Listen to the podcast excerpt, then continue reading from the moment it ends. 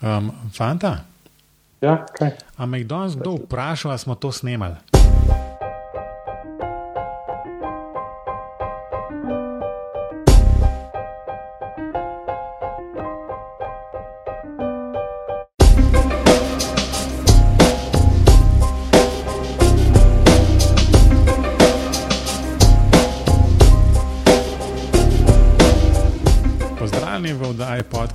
Pogovori, v kateri se z gosti sproščeno pogovarjamo o informacijskem modeliranju zgrad in informacijsko-komunikacijskih tehnologijah v gradbeništvu. V današnji oddaji bomo govorili o priporočilih za samograditelje. Z vami sva Robert in Matevš.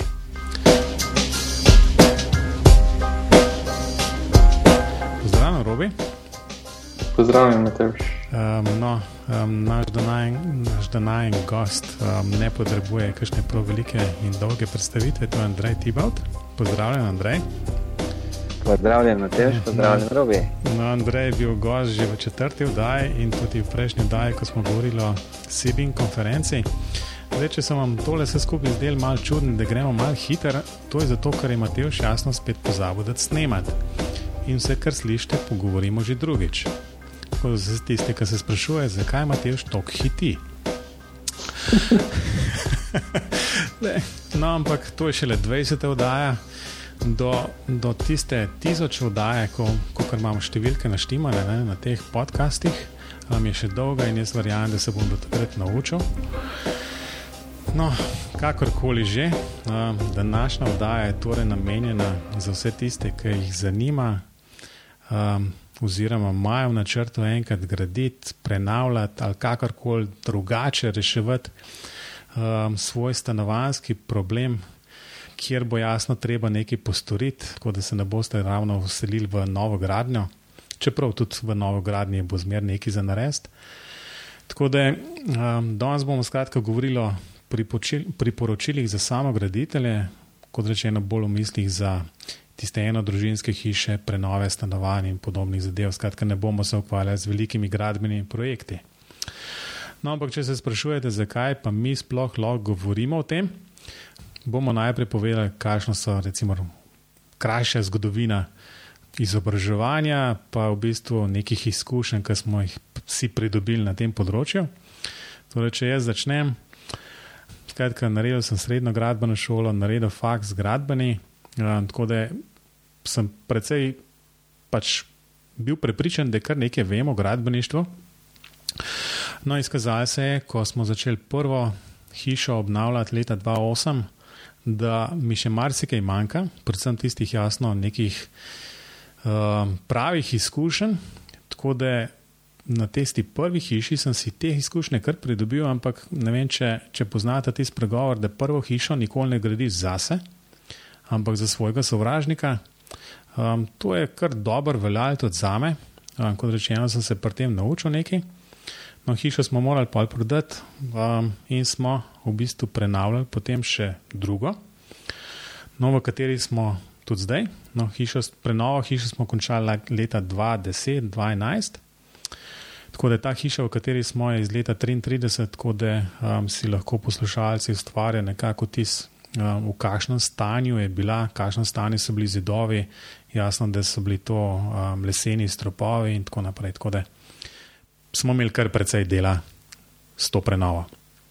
No, toliko o moji zgodovini, kaj pa robi, kaj praviš ti?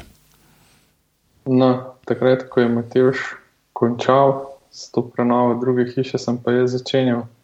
V letu 2011 smo začeli z gradnjo naše hiše. Um, moja prekla je tudi gradbeništvo, sem doštudiral gradbeništvo.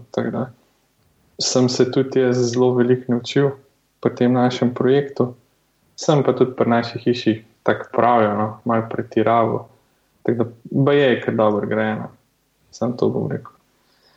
Mislim, no, da um, na podlagi teh izkušenj, da lahko kaj priporočam, da ne bo kdo delal istih napak, kot sem jih jaz. Um, Andrej, povej, Kako pa pri tebi stvari stojijo? Ja, moja prva izkušnja je pa tam iz leta 2002, um, ko sem v bistvu obnovil eno stanovanje v Mariboru. bi rekel, od kosti naprej, ne, od zidov naprej. To je bila moja prva pozitivna izkušnja in na osnovi te izkušnje sem si upal potem pred, lahko rečem, kakim letom začeti z obnovo ene hiše v Mariboru, ki je družinski projekt in uh, ki upam, da bo zaključen v letu dni. Tako da to so izkušnje, da rečem, no, mene kot gradbenega informatika, eh, kjer mogoče hiše do sedaj več gledal skozi računalnik, jih vrtel na računalniku. No, zdaj pa ta praktična izkušnja pride zelo prav, moram reči, kar, kar uživam. No. No, Andrej je še očitno v fazi, v kateri uživa. Um, pride še tisti časi, ko boš manj užival, ampak v teh časih malo kasneje. Torej, skratka, priporočila, uh, imamo pr devet priporočil pripravljenih. Skratka, za poslušalce še tole, ne, da če se vam zdi kakšna stvar uh, ne ravno najbolj pametna, uh, ne implementirati, ne, ne, ne nas poslušati. Uh, skratka, te stvari so pač naše izkušnje pridobljene v pač določenem času in jasno, zato morda ne nujno vedno um, najbolj točne in kvalitetne. No, kakorkoli že, Andrej, povej, kaj je tisto, kar si prvo napisal. Ja, zdaj, viš, včasih so rekli, Bog obvaroj. Moja izkušnja je taka, da, da recimo, en tak famozen stavek, ki ga slišiš, recimo, Ne, kot je nekdo pravi, uh, čujte, to, to mi delamo že deset let tako. Ta stavek vedno pomeni, da, da bo nekaj narobe. Ne? Če, če se z mojstrom ne pogovoriš o, o, o kakem detajlu, potem gre stvar zagotovo v smer, v katero si je ne želiš. Tako da recimo, jaz sem vse pri treh mojstrih recimo, doživel tako reakcijo v tem stilu. Ne, je pa, kot rečeno, to zdaj, če slišiš, da ti nekdo reče, ne, da že deset let dela na isti način, pa zagotovo veš, da je to sin od mojstra, ne, ki je sin, ki je nasledil obrt, ker njegov oče bi rekel, to delam že 30-40 let na tak način. Ne, tako da to je vseeno še čas, ki, bi rekel, ko so mojstri toliko upogljivi ne, ali pa toliko mogoče. Eh, razumevajoči, da si vzamejo čas, pa naredijo kaj tudi po kakšni Eh, po kakšni inženirski eh, ideji, ne, ki ni ravno eh, po, po, po njihovi meri. Ne. Ja, takih mojstrov je pri vsaki gradnji kar precej. Jaz sem se jim na koncu že, že zelo izogibal, če sem le slišal ta stavek, sem še kar le se po koncu. Predvsem pa to pri meni bila izkušnja taka, da sem delal res z nekim novim materialom, kot takrat še ni bil poznan. To je poroterem DriveFix, oziroma zdaj to poroterem Profi. To so tisti zidaki, ki so lepljeni in ni nobene malte noter. Tako da mi tega ni mogel noben reči, ampak so se pa kar vredno naučili, to pa moram reči. Ja, se mi pa zdi, no, da, moramo, da moramo ločevati med mojstri v narekovajih in mojstri. No, čeprav tisti mojstri, tudi če rečejo, da to delo že deset let, vsem poslušajo, tisti mojstri v narekovajih, pa tudi če te poslušajo, pa običajno te ne, bo itak po svojem delu. Če nisi zraven, tako. Tudi ja. če si zraven. Kar skozi ne moreš biti, ne. to je dejstvo. Um, sem se pa zraven spomnil še, en, še ene zadeve, ki se mi zdi, da je tudi nekako definira te, uh, te mojstre. Ne? Je to, da oni, oni niso nikoli krivi, če gre kaj narobe, zmeraj kriv tisti, ki je bil pred njimi tam. Zvedno, to je pa res. Absolutno. To, to je pa neverjetno. Ne? Um, vedno so krivi tisti, ki so bili, ne vem, ali si, ali bog ne da, da si se ti kaj sam odločil in se tako morali narediti, ker potem si definitivno ti kriv. Uh, Uh, če pa si, si prepustil in so, si, so oni lahko po svoje naredili, če je šlo karkoli narobe, je bilo že nekaj krivo, da je bila ali podlaga za nič narejena, ali nekaj ni bilo v vas arvago narejen, kar bi moral biti, ali pa slučajno ni bil pravi kot tam, kjer so si ga oni zaželeli, tako da je vedno je nekaj bilo narobe in jasno, oni niso bili nikoli krivi. Dokler jasno ja. ni prišel za, za njimi nekdo drug, ki je vem, monteral lučke in rekel, kdo je pa to naredil. Um, skratka, tem, temu se ne moreš izogniti. Tako, no in v takih primerih, Matejš, ne, eh, so mene je še vedno rešil en eh, gospod eh, Janez. Ne, in res mu je tako ime, ki je v penziji, ki si je vzel čas, da sva predebatirala in je potem tudi naredil še kako stvar. In sem mu jaz pomagal, in je bilo potem narejeno tako, kot je treba. Ne, to je pa skrivnost zidarja v penziji, bi jaz rekel. Ja, to za... se ne motim, imel Matej še tega, tega gospoda Janeza, ki mu je bilo malo drugače. Ja, tako je res. Je. Um, s, tem, da, s tem, da on sicer ni delal, um, je bil pa recimo temu moj nadzornik in je bil vedno na objektu, ko mene ni bilo. Tako da je bil on tisti, ki se je odločil. Um, za določene stvari, ko je bilo dejansko treba se odločiti v naslednjih desetih minutah, če se ni hotel čakati um, do naslednjega dne, da se bo nekaj zgodilo. Ne? Tako da, um, ja, takšnega, to je nujno, nujno um, nekako met. Ne? To, to, to je mojster, ki sem ga z veseljem tudi na nek način preplačal. Ja, to, to, to oni mnogo več prihranijo ne, na dolgi rok, kot pa v bistvu ne vem. Um, tako da nujno, nujno je nekoga tazga imeti. Um, predvsem tazga, ne, ne, ne, predvsem, ne takšnega, recimo, da ne vem, ali v robi tebe nekdo sprašuje tako nadaljava po možnosti po telefonu, ne, tako mene moja sestra včasih je vprašala. In jaz sem jim kaj povedal, se delo pametnega, oni so tako čist po svoje pol naredili. Um, s tem, da so trikrat ven ploščice metalne, neč ne rečem, ampak to zato, ker so vmes pozabili kaj narediti. Pa sem jim rekel, da to ni ta prav vrsten nared, ampak ne, lej, se ne daje dopovedati, ne? ampak kakorkoli že. Dejansko rabaš nekoga, ki je na objektu, tam, ko se stvari sprejemajo, ko so odločitve zdele in kole se bo naredil. Tis na, na telefon, pa tako naprej, to je ni najboljše. Um, kaj? No. Smo obdelali, robi, povej, kaj pa ti. Kako? No, vse sem jih hotel nadaljevati z, mojim prvim nasvetom oziroma priporočilom. No, če pa nimate takega mojstra, kot sta jih imela Andrej in Mateoš, se pa običajno ljudje zatečajo na forume. No, in moj nasvet je, če berete forume, dajte prosim dvomiti v čisto vse, kar preberete. Ampak to res mislim v čisto vse. Zakaj tako mislim, zato, ker ne veste, kdo je tisti, ki je na forum pisal. Običajno to piše ljudje iz ene izkušnje in to je njihova ena, edina, lastna izkušnja, poleg vsega so pa še čustveno upleteni. Ponovadi je tako, no, kar gre na robe, vsakrat pove, če je v redu, itak v redu. Dejte, forumi so res zbrane, se gor informacije iz vseh vetrov, marsikaj je dobro, marsikaj je popolnoma zgrešeno. Tako da dejte saj razmisliti, pa malo mal razmislite, ali je to smiselno ali ne. Mogoče vprašajte za drugo mnenje, s kom predebatirate, ne pa se vzeti za suho za to. Je bil moj nasvet. Ja, bi, bi kar potrdil to. Sicer sam nisem prav velik po forumih um, brskov in iskal, ne, ampak vedno to neko mnenje, ki ga od nekoga dobiš, um, ni nujno vedno ta pravo. Ne, ker pač odvisno, kako je tisti nekdo drug upleten v, v tvoj projekt. Um, a res pozna vse tiste detajle, ki so pomembni za to, da se nekako odločaš v eno ali drugo smer. Tako da um, nekdo ti pač more nekako gledati pod prste in ti, ti povedati, da tole pa res narobe, uh, kar, kar misliš narediti.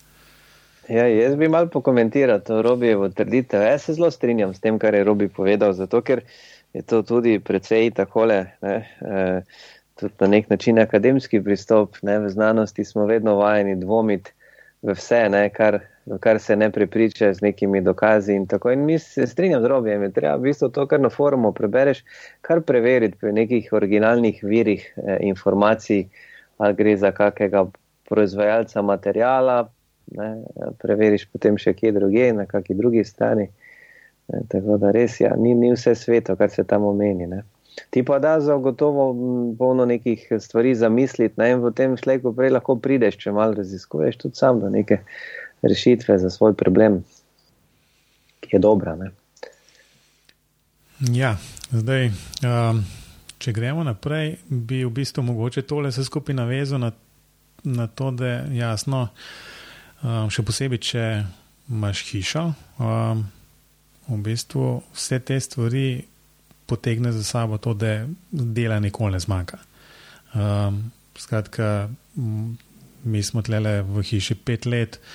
Skratka, se že kaže stvari ali tiste, ki sem jih jasno narobe naredil, tiste, ki smo jih pozabili narediti, um, tiste, ki niso bile najboljš narejene. Um, skratka, vedno je nekaj, kar gre lahko narobe in jasno, če ste v stanovanju, um, te stvari praktično ne čutite.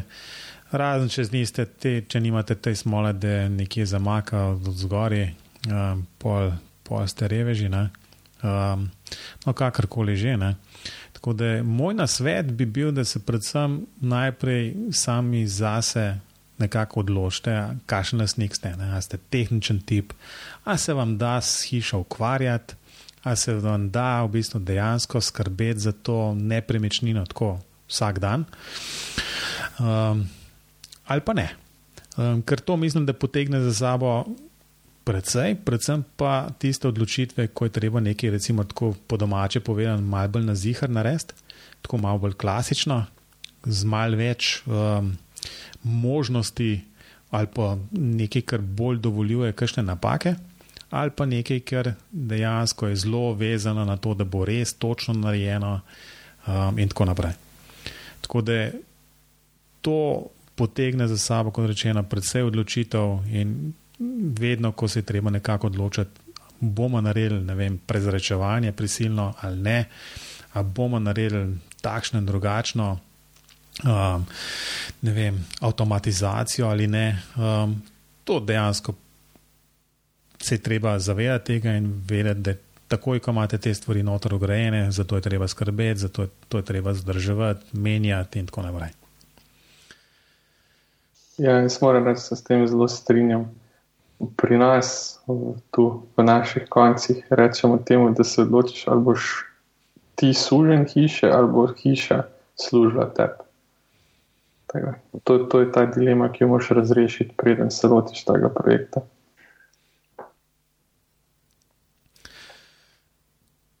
Andrej, še kakšen komentar? Ali bo šel na drugo, na drugo svoje priporočilo? Same modre misli imamo danes. Ja, ja. Um, Ampak še najboljše tole... šele prihaja. Ne? Absolutno, ja, božič bo. e, pripeljite, torej moj nasvet, ne, um, naslednji, torej drugi je, da je potrebno absolutno ne, zvleči na gradbišče tudi ne, zdaj, ali ženo, ali prijateljico, ali ljubico, ali kogarkoli, ne, ki ki bo pač v tej, v tej hiši z vami živel, kaj počel, eh, ker um, rabiš tisto zdravo kmečko pamet, neobremenjeno na gradbišču, ki ti pove potem, ne, ne vem, čist konkretno, katero okno se bo odpiralo na levo, pa zakaj ne na desno, pa zakaj bi tu moralo biti dvokrilno okno. Eh, pa ne, ker ga bo treba čistiti, mogoče od zunaj, pa kje bi bilo fiksno okno, pa kje ne. Eh, pa kje bi bilo kakšno stikalo za luč, pa pomivalno korito v kuhinji in tako naprej. Se mi zdi, da so taki, um, take, rekel, pre, preprosta razmišljanja več kot dragocena, ne? ker mi, inženirji, veliko krat zaidemo, bi rekel, v, v neko čisto. Um, Inženirsko uh, razmišljanje, ki gre včasih mogoče celo malo mal preveč daleč, ne? pa tisti racijo, racijo potem dejansko eh, nekje se, se zgubi. Ne. Ker recimo jaz, eh, ne, kaj sem jaz naredil, recimo, ko so delali mojstri streho, sem videl tu še nek, neko možnost nekega eksperimenta, pa smo potegnili še en električni kabel v, v izolacijo, ne, tako da bomo v bistvu nad, nad um, uh, bistvu ploščo, ne, pa pod hidroizolacijo izmerili, kakšen je učinek toplotne izolacije, zunanja temperatura in pa torej temperatura v izolaciji. Ne. Ampak to je spet ne, taka stvar, ki, ki um, ki jo narediš takrat, ko, ko, ko, ko razmišljaš, mogoče preveč inženirsko. Se ne rečem, da je to slabo, ne? ampak eh, absolutno ne mogoče, ne? da bi to počel cel čas. Ne? Ja, jaz bi, dodal, jaz bi dodal, da je to en zelo dober nasvet. Če bi bil pa malo zlaven, bi pa rekel, Andrej, to bi moral vse v obim modelu prej rešiti. Ja, seveda, ne, če, če bi eh, za ta bi model bilo dovolj časa, ne, če bi imel okoli sebe projektante, ki, ki bi bili naklonjeni takemu načinu projektiranja. Ne, pa, Sej pravi, če bi bil ja. slaben, Andrej, sej sem jaz tudi ja, ja, dal skozi. Ja, moj, načrt je, moj načrt je bil na roki narisan, tako da toliko kovačevi kubili, pa tako naprej. Ja, ti zmagaš v tem, sigurno. Um, oziroma, ne, jaz zmagam. Jaz zmagam, zaradi tega, ker jaz sploh nisem imel načrta. To sem jih hotel dodati. Odlično. Yes. Saj nekje sem zmagal. Evo. Kdo vse bo poslušal tale podcast? glede oh. na to, da nisem imela um, primernih uh, načrtov. Jaz sem imel, zakaj? Uh, Rob je imel to v detalje zrisano vse. Ne? Je ja. pa resno, jaz sem imel skice, predvsem, um, samo ker v bistvu. V takšnih prenovah je v bistvu največ problem, da sploh ne veš, kaj imaš. Ne? In smo praktično sprot reševali stvari, ne? v redu. Smo, smo imeli zrisane neke tlorise, um, tako napribližen.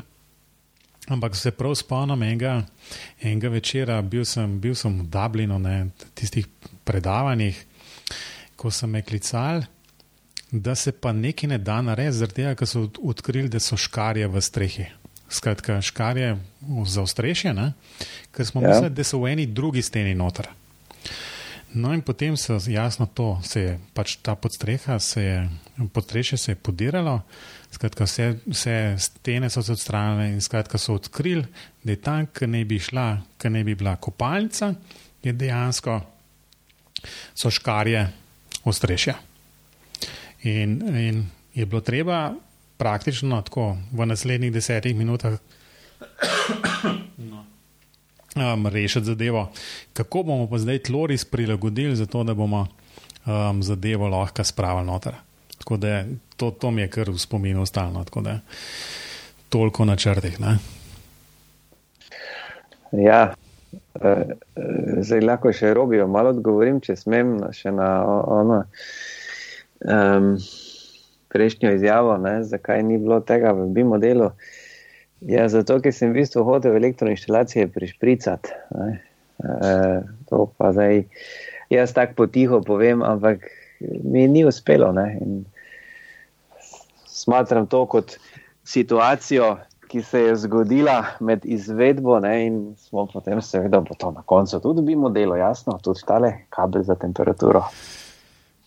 Ej, no, ti si to bistveno preveč resno vzel. Vsekakor, vsekakor se veselim, da boš delil enkrat ta model, da si bomo to pogledali.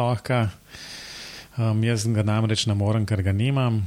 Um, tako da um, me res zanima, no? Enkrat, da vidimo pa na koncu. Bomo pogledali, super. No, moje naslednje, moje naslednje priporočilo je ne, nasege, ne nasedati marketingu v gradbeništvu. Lepo prosim, ne nasedati, ker če bi vsi verjeli temu, kaj se trenutno v gradbeništvu prodaja, potem bi vsi imeli najmanj prisilno prezračevanje, to bi res morali res vsi imeti. Vsi bi morali imeti izolacijo pod temelji, vsi bi morali imeti na zunanjih stenah obvezno volno in nikakor ne stiropora, zato ker dejansko volna diha in stiropor ne diha. Da naj govorimo o paropropustnih fasadah in silikatnih zaključnih slojih in akrilnih in ne vem kaj se. Dejte, prosim, še enkrat spet zdrava pamet, ne vam pove, kaj boste počeli, pa zakaj ne. Mislim, vsi ne rečem, da je vse slabo, kar prodajo, ampak dejte, prosim, oceniti za svoj lasten primer ta primer so tudi recimo toplotne črpalke, voda, voda. Ja, super, ampak to morate imeti skoraj idealne razmere, pa ko pa potegnete črto, ugotovite, da je zrak voda še vedno bolj ekonomičen. ITD, ITD, ITD. V glavnem, kar hočem reči, ne nasedati marketingu, spet predebatirajte, dobite si dobrega nadzornega ali pa saj nekoga, s katerim lahko, uh, s katerim zaupate in s katerim lahko take zdaj predebatirate. Samo to. Pa še en primer bom iz svojega, iz svojega primera lahko še eno stvar povem.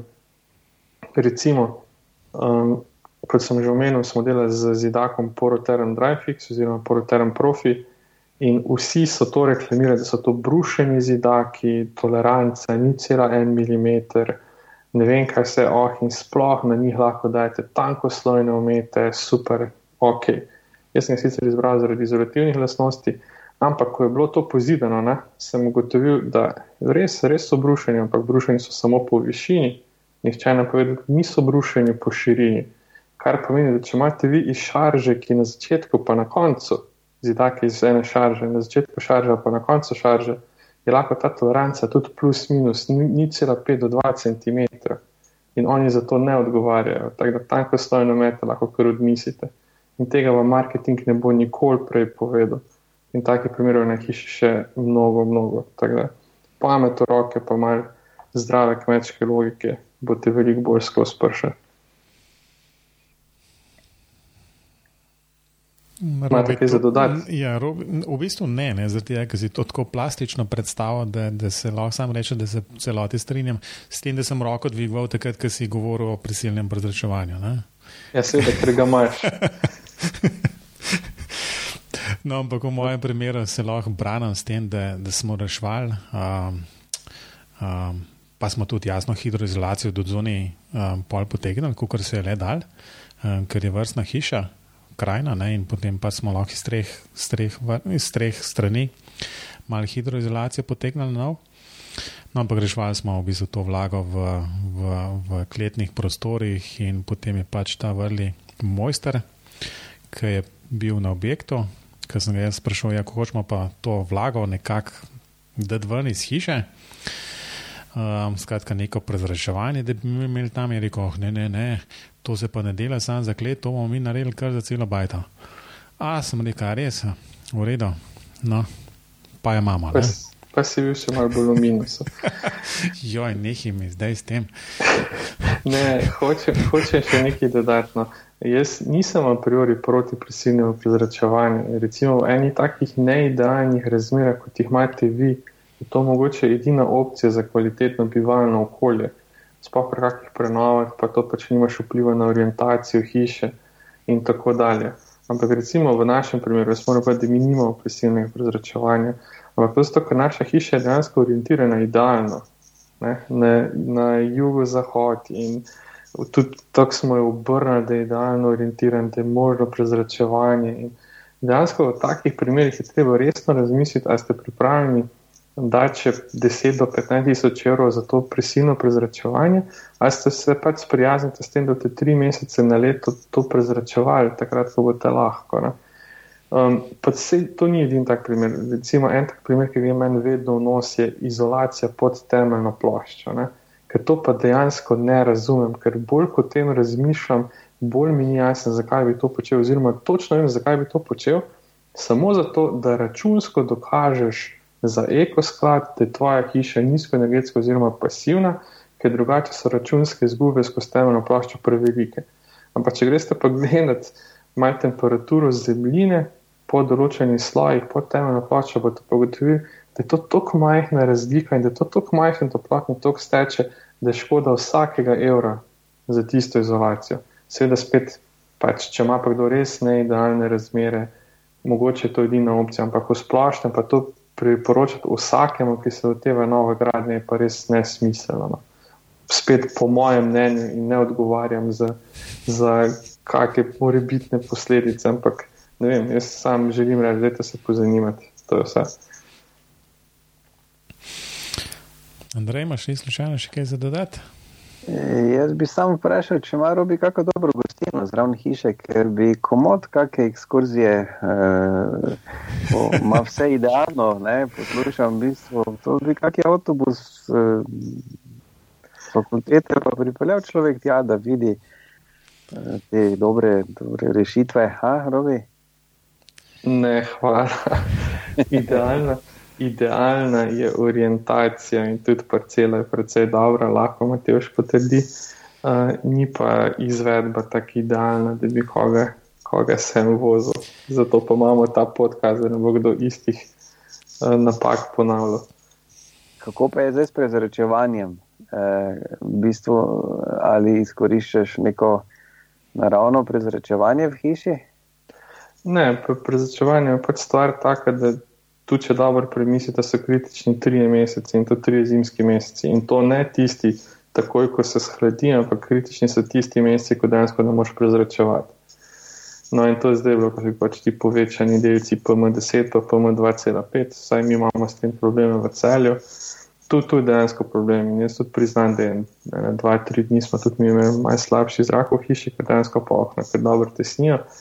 Ampak obenem pa zdaj, če pomisliš, da bi za takih, ne vem, dva, tri, štiri, mogoče tudi pet ali pa deset primerov na leto imel prezračevanje celo leto, kaj pa vem, no, jaz sem bil pripravljen prevzeti to, ta riziko. Tako da tudi, če bi še enkrat zidel, jaz ne bi imel prisilnega prezračevanja. Ja, ja izkuš... te principi, recimo na, naravne konvekcije, ne, ko so, so danes že kar dodelani, recimo pri neki večetažni recimo, objektu, se da verjetno zelo s pridom izkoriščati eh, neko eh, vertikalno prezračevanje sredi hiše, ne, eh, kjer se v bistvu no, zrak dviga. Jaz bi tu še dodal, to nisem še nikjer povedal no, na tem podkastu naša hiša ima notranjo galerijo. Teda v bistvu pri nas je to skoraj enoten volumen in do vsake sobe so samo ena vrata. In mi, če odpremo recimo vsa vrata v mansardi, je dejansko gre tok skozi hišo. Ne? In to, gre, in to gre v eni etaži in to gre tudi spodne v zgornjo. Tako da pri nas se v desetih minutah hiša res, res prezrači. Če odprem še strešno okno, se še prej. Tako da zato pa pravim, da je treba od primera do primera razmisliti, ne pa nasedati marketingerjem po vsaki ceni. Ok, lej, gremo naprej. Da bomo, v bistvu, kar smo že prej porabili 20 minut ne, na mojo um, neodgovornost. Um, zato bomo pil na Matevžu na račun. Točno. Torej, um, skratka ena moja priporočila je pa, da uh, če imate več enakovrednih rešitev ali pa pač ali so to tehnično nekako primerljive med sabo, da vedno kot investitor izberete najcenejšo oziroma cenejšo izmed tistih, ki vam še nekako ustrezajo po specifikacijah nikoli skratka, ne nasedate da tistim, da ja, tole bo pa sam še tole dodal, pa je jasno, samo ne 10% dražji kot vse ostalo. Skratka, te stvari se naberajo in na koncu, ko bi morali res investirati v nek, neke kvalitetno končno obdelavo. Um, ploščice, um, oprema, potem in potem podobne zadeve, takrat začne pa v bistvu malo zmanjkvati. In če se hoče temu izogniti, je treba v bistvu s pametjo delati in v bistvu jasno, kot je Robi rekel, pač narediti tako, da bo v redu, da ne boste nekje prikrajšani tehnično, ampak hkrati gledati za to, da se izbere cenejše variante. Evo, to je moj najpomembnejši. Ne? No, jaz bi tudi dodal, da je tale Matežev na svet bil tisti, ki sem si ga jaz res najbolj zapolnil, preden smo začeli ženo graditi hišo. Um, in vedno, vedno, vedno, kadar sem bil v dvomi, sem se potem odločil na podlagi tega na sveta. In lahko povem, da recimo samo pri hiši smo zaradi tega prehranili skoraj 10 tisoč evrov. Kolik?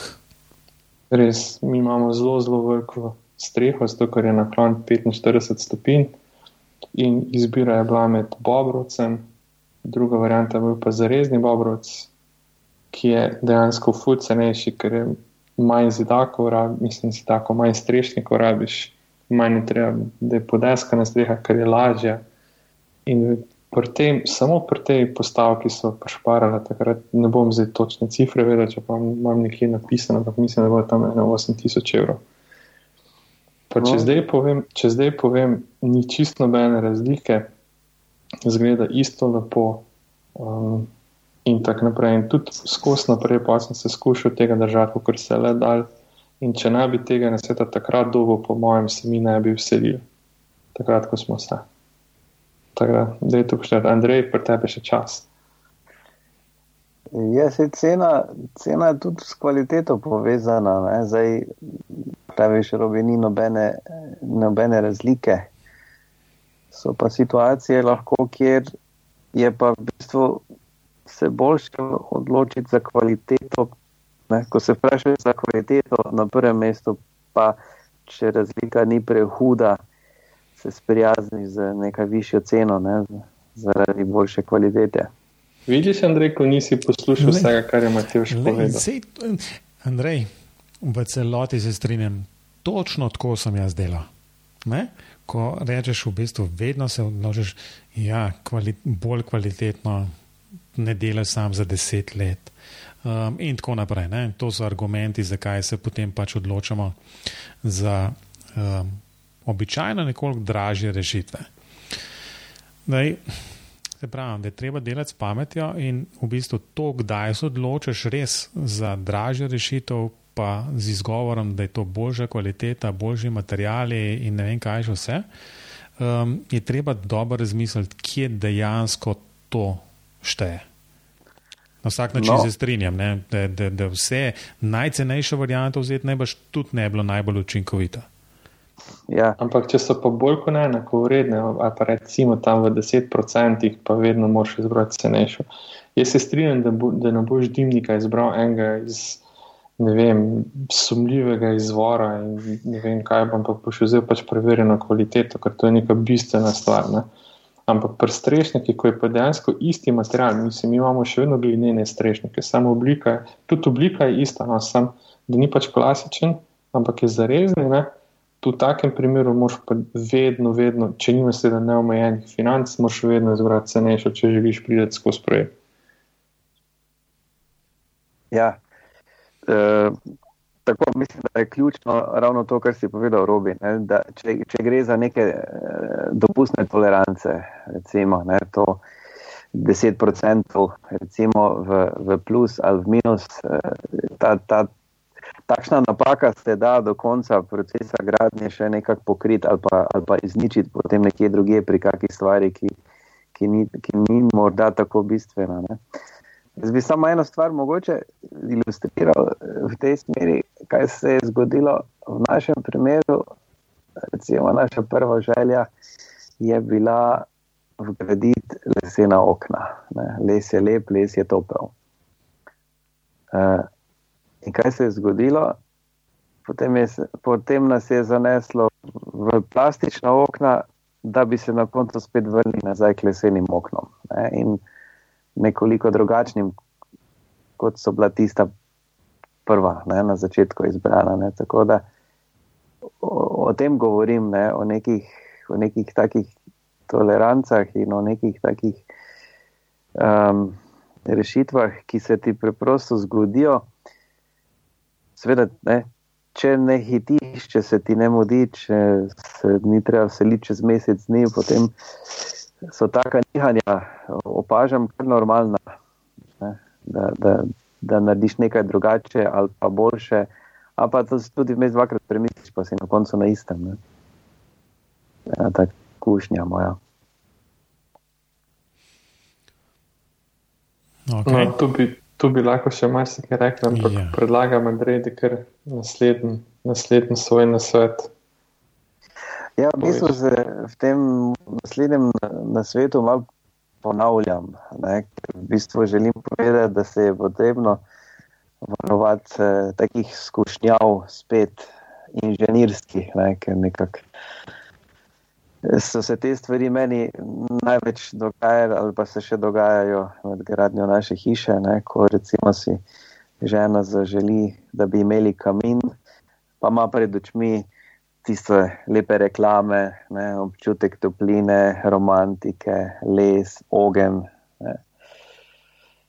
Zdaj pa seveda inženir z razmišljanjem nadaljuje, pa pravi, no, ok, super, bomo to toploto pa še poskusili nekako izkoristiti, da, da se imamo že itak daljno gretje, ampak bilo bi fajn, da imamo potem toplovodni kamin, pa da razvode naredimo še potem v kupalnici, pa v otroške soje, pa bomo v prehodnih obdobjih imeli malo topleje. Ne? In tu je pol, mislim, da potrebno tak, eh, se malo z, zmrzlo vodo politi v takih situacijah in se strezniti in, in se vprašati, eh, verjetno. Eh, tisti, in bomo rekel, eh, romantična želja, ne, naj tudi ostane romantična želja, ne, naj se ne izjalovi ali pa ne sprevrže v, v, v nek hud projekt, ki, ki potem sledi in uh, ki bistveno, bistveno podraži iz, izvedbo. Ne. No, tu bi jaz dodal, bi se navezal nazaj na Matevževo enakovredne rešitve, pa cenejše, pa tako naprej, ker ta tvoj toplozračni kamin, z, da bi pretvoril toplovodnega z razvodi, bi potegnil potem za sabo, da, da moš imeti še bojler za dvojno špiralo, pa moš imeti drugačen ja. ravnotežen hidraulični sistem, pa moš imeti razvode, kar ti pa odebeli stene in v glavnem bom pa še povedal svoje izkušnje. Mislim, da imamo kamin, ker brez tega. Ne. To smo tudi mi nasedli v marketingu. Uh, ampak ta kamin sem, zdaj smo tu v hiši četrto zimo, pa sem ga zakuril, ne pretiravam, manj kot desetkrat. Tako da je zelo drag kamin, zelo drag nabiralec prahu, ampak imamo ga pa. K sreči pa nimam nobenih razvodov, ker mi je en zelo dober prijatelj, ki se s tem ukvarja svetov, da tega ne, definitivno ne počnem, ja. zato ker je mnogo, mnogo preveč komplikacij za to, kar dobiš.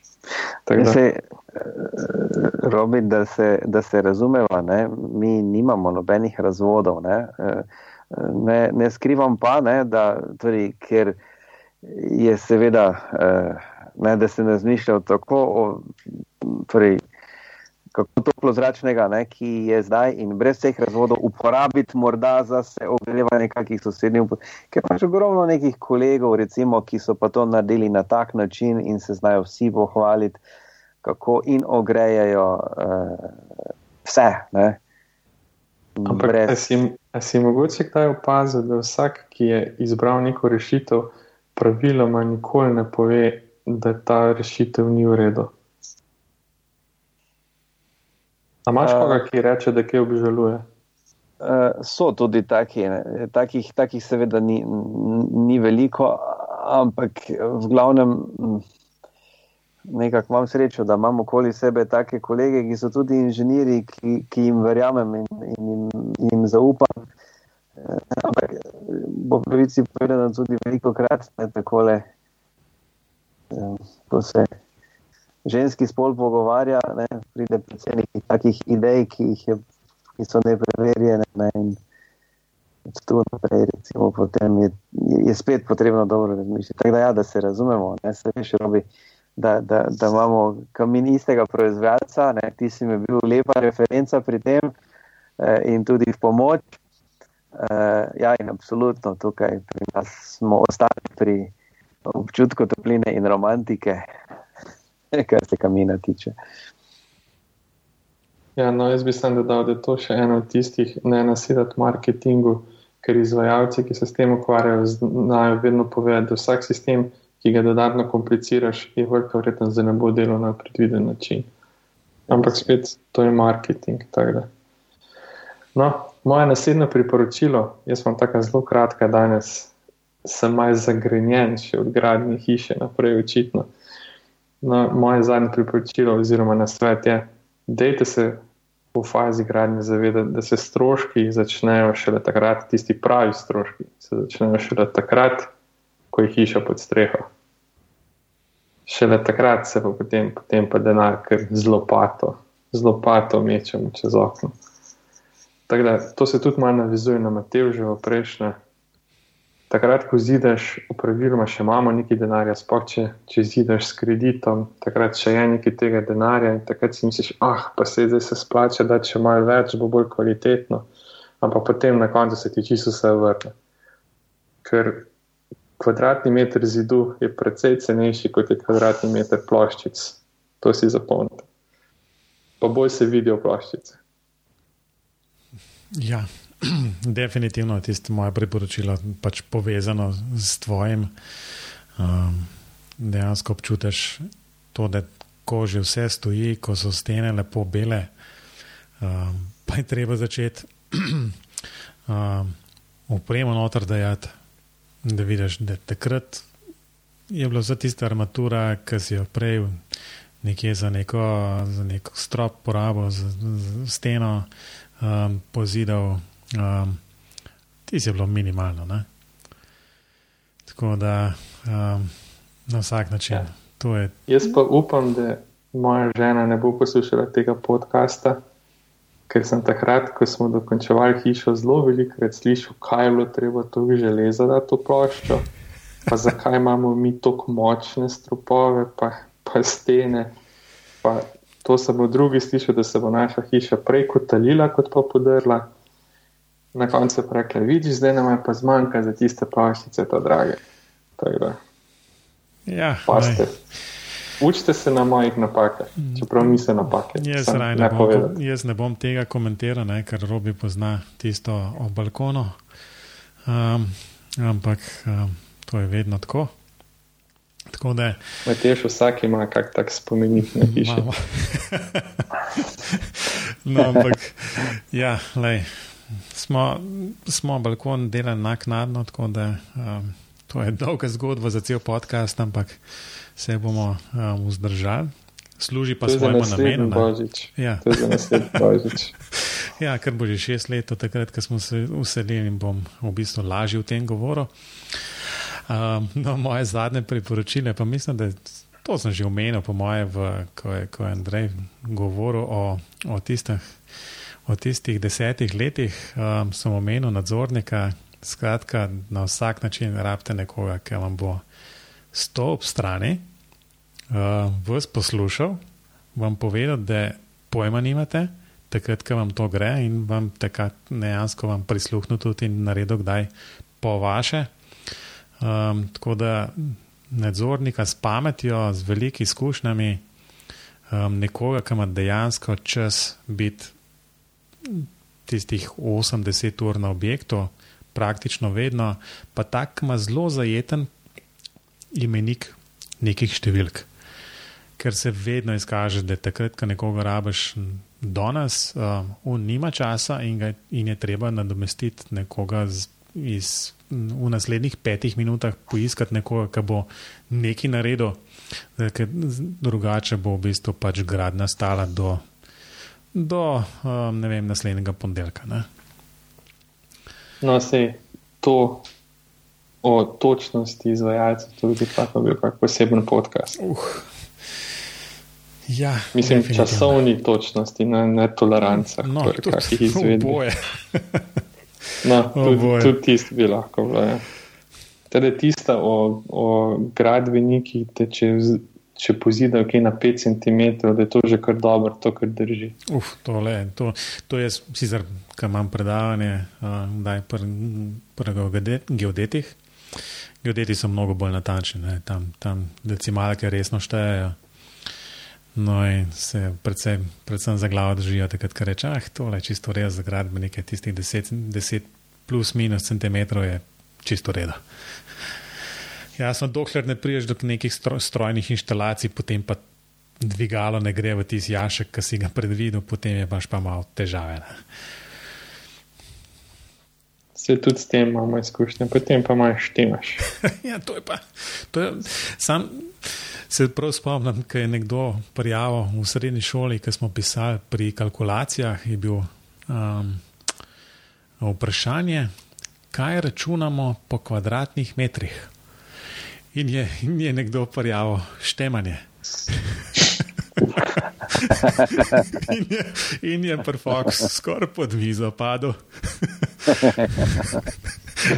Tako da ne, to, sem si, to sem si ena izmed resnih stvari, ki so si zapolnili srednje šole. Okay, danes, no. danes preverjeno deluje. Ne? Ja, definitivno. Vemo, se dogaja. Skratka, to so bila priporočila. Uh, za samo ja. graditelje. Um, Jaz mislim, Matež, da bi Andrej rad še nekaj dodal. Aha, bi. Še nekaj obimo. Ne, sem to, to je tle napisal pri, pri, pri priporočilih, ampak lahko pa tudi zdaj le poveš, ker dejansko nismo ja. nič obimo govorili. Vse tako Andrej ima prvo priporočilo, tako da Andrej pove. Ja, no, to je tako bilo na nek način eh, tudi eh, logično, da ne govorimo preveč obimo. Tudi božičko nismo še nič povedali, ampak moramo nekaj obimo še povedati. Torej, jaz sem vam že povedal, da sem bil model pred kratkim, to je čisto sveža informacija, to mislim, da kak teden nazaj pokazal v bistvu mojemu monterju strojnih inštalacij en petek zvečer ob, ob čaju v, v gostilni.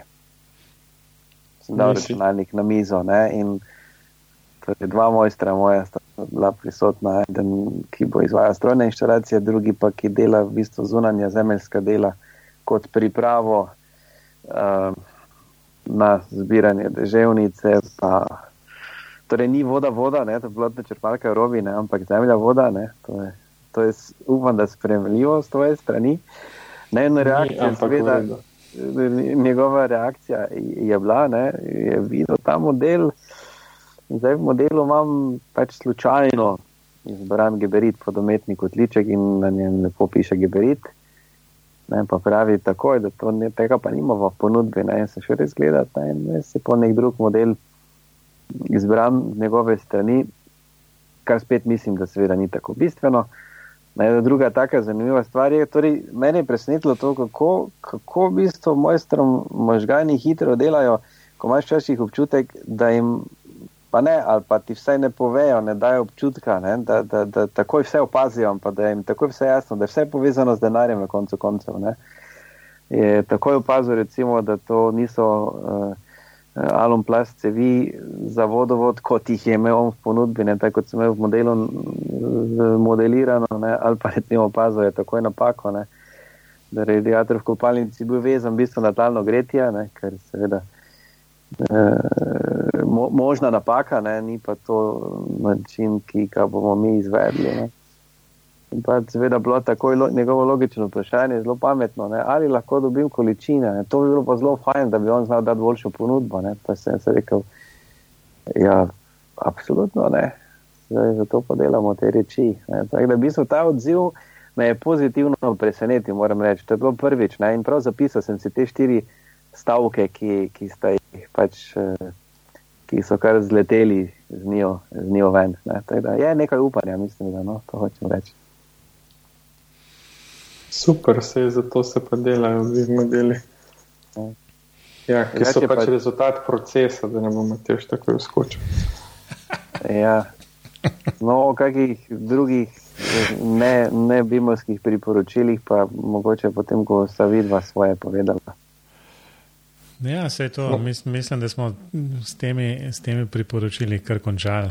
Uh, jasno, bi lahko najbrž porabili še precej časa, ampak mislim, da je to bistvo, smo zajeli, vse ostalo se okoli tega najbrž vrti. Um, da, ja, jaz tudi mislim, da smo danes zelo dolgi. Ja, da je čas, da zaključimo, pa zaželimo vsem poslušalcem vesele praznike. Kaj pravite? Um, na vsak način. Um, Andrej, kaj pa s temi običajnimi priporočili za, za poslušalce, kako naj si polepšajo te dni? Jaz bi, jaz bi predlagal, da, da si kakšne najbahe zavr, zavrtijo tisti, ki imajo radi. Ne pa da mogoče kaki, um, da se prijavijo na par flow, na portalu, ne, tudi malo rekreirajo v teh časih, ko bomo malo preveč jedli, ne, pa preveč popili. Ne. To sta moja dva taka, čisto neinženirska na sveta, ki se mi zdi zelo pomembna za to, da nekako v teh časih tudi nek balans vzdržuješ, ne, da ni preveč tehnike, da ni preveč gradnje, da daš na drugo stran vage tudi nekaj, kar, kar te veseli.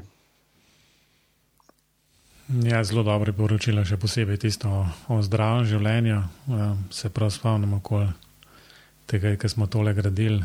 To je bilo v bistvu um, zelo stresno ne? in, in, in um, Predvsem, predvsem zaradi tega, ker je konstantno se potrebno nekaj odločiti. Um, to potegne za sabo v bistvu tako, tako obremenjenost, ki sicer v glavnem niti ne čutiš ne, iz dneva v dan. Ja, ampak me tež tu moš povedati, da smo mi da pač taka človeka. Jaz sem tudi to mi je bilo najbolj grozno pri celi gradnji. Ampak eni pa v tem prav uživajo.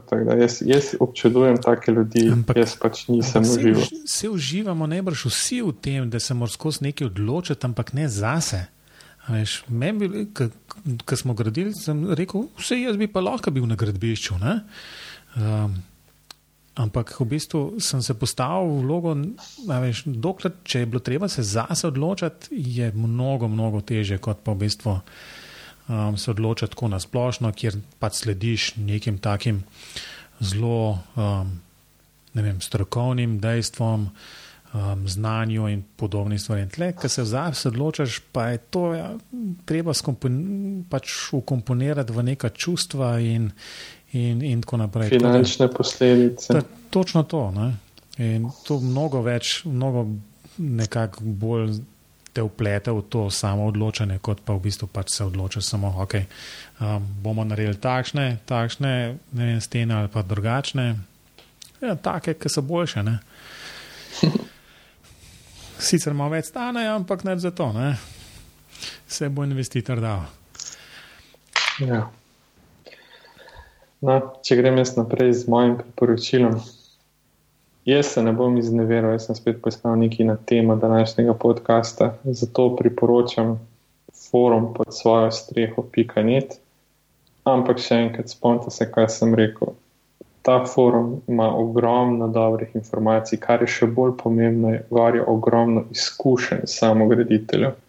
Te izkušnje so neprecenljive, ampak neprecenljive so samo v primeru, da jih znate vrednotiti in prenesti na svoj lasten primer ne vse vzeti tam, kar, kar, kar tam gor piše za suho zlato, ampak dajte to malo. Mal razmislite, malo predebatirite in potem, če smiselno uporabite, če pa ne, pa pač oberite svojo rešitev. To bi bilo, to bi bilo moje priporočilo. Za ta praznič, praznični čas bi pa priporočil, da ne berete interneta, pa pete reči malo ven. Um, se strinjam. Um, no, ampak če greste ven, pa nimate kaj zraven početi, pa ste sami, ne, ne, v, ne v dvoje ali kaj podobnega, to se res ne spodob. Um, potem si pa lahko prvošte eno audio knjigo um, avtorice Tine Fej um, z naslovom Bossy Pants. Um, in če imate, če se boste toplo oblekali, če bo zunaj mrz, ne, vam garantiram, da ne boste hodili prej domov, dokler ne boste knjigo do konca odposlušali. Si sam pet ur dolga, Tako da, če greste na en resen sprehod, bo glih prav, pa se zraven ustavite še na eni pijači, boste obdelali celo knjigo do, do, do doma. Um, je pa, če vam leži humor, ki, ki v bistvu ga imajo v tisti oddaji Saturday Night Live v Ameriki. Um, no, ona je bila svoj čas producentka te oddaje, notar tudi nastopala. Skratka, vem, da sem se vozil v Nemčijo, dolga poti, v bistvu, ko sem si dal to gor, to sem pač roho robi priznal, da sem bil sposoben um, celo pot iz Drezna v Ljubljano pelati v enem, v enem kosu, ne. to je deset ur. Še ljulet nas ni pustil. ja, sam za, sam za vinjeto sem se mislil, da je ostalo, ne, ali kaj podobnega. Dobro. Ja, res je tako. Um, skratka, smo pri zaključku. Um, Andrej, um, hvala lepa, da si si vzel čas. Da smo malo ja. pokomentirali, ker smo že, mislim, da v četrti oddaji obljubili, da bomo naredili ta Christmas special oddaja, bi pogovoril na temo teh priporočil. Ja, res je. To smo zdaj izpolnili. Tako da, uh, kakšna zadnja beseda glede tega? Ja, hvala vam res za, za povabilo. Mislim, da smo eni taki eh, pravi eh, božički, ne, ki smo si vzeli čas eh, naredili tole oddajo. Tako da se vam seveda iskreno še enkrat zahvaljujem za povabilo. Enač, um, da ne bomo spet povedali, kje, koga se najdemo. Um, v bistvu obema in jasno tudi poslušalcem želim lepe praznike in vse naj naj. V 2017 do takrat, um, mislim, da je prva oddaja 3. januarja, tako da do takrat uh, vam bim pogovori dajo mer. Lahko torej poslušate vse oddaje za nazaj, še enkrat. Uh, mislim, da so kakšne še celo vredne poslušanja. Um, da, to je z moje strani, robi še kaj za dodati. Ja, jaz bi tudi vsem zaželel vesele praznike, vse najboljš v naslednjem letu. Andreju pa veliko živcev, pa da bi čim kasneje denarja zmanjkal. Hvala lepa za te lepe želje. No, evo, to je bila oddaja in pogovori na recimo temu predprazničnem torku bomo tole vendal. Uh, skratka, Andrej, Robi, adijo. Adijo, obima. Adijo.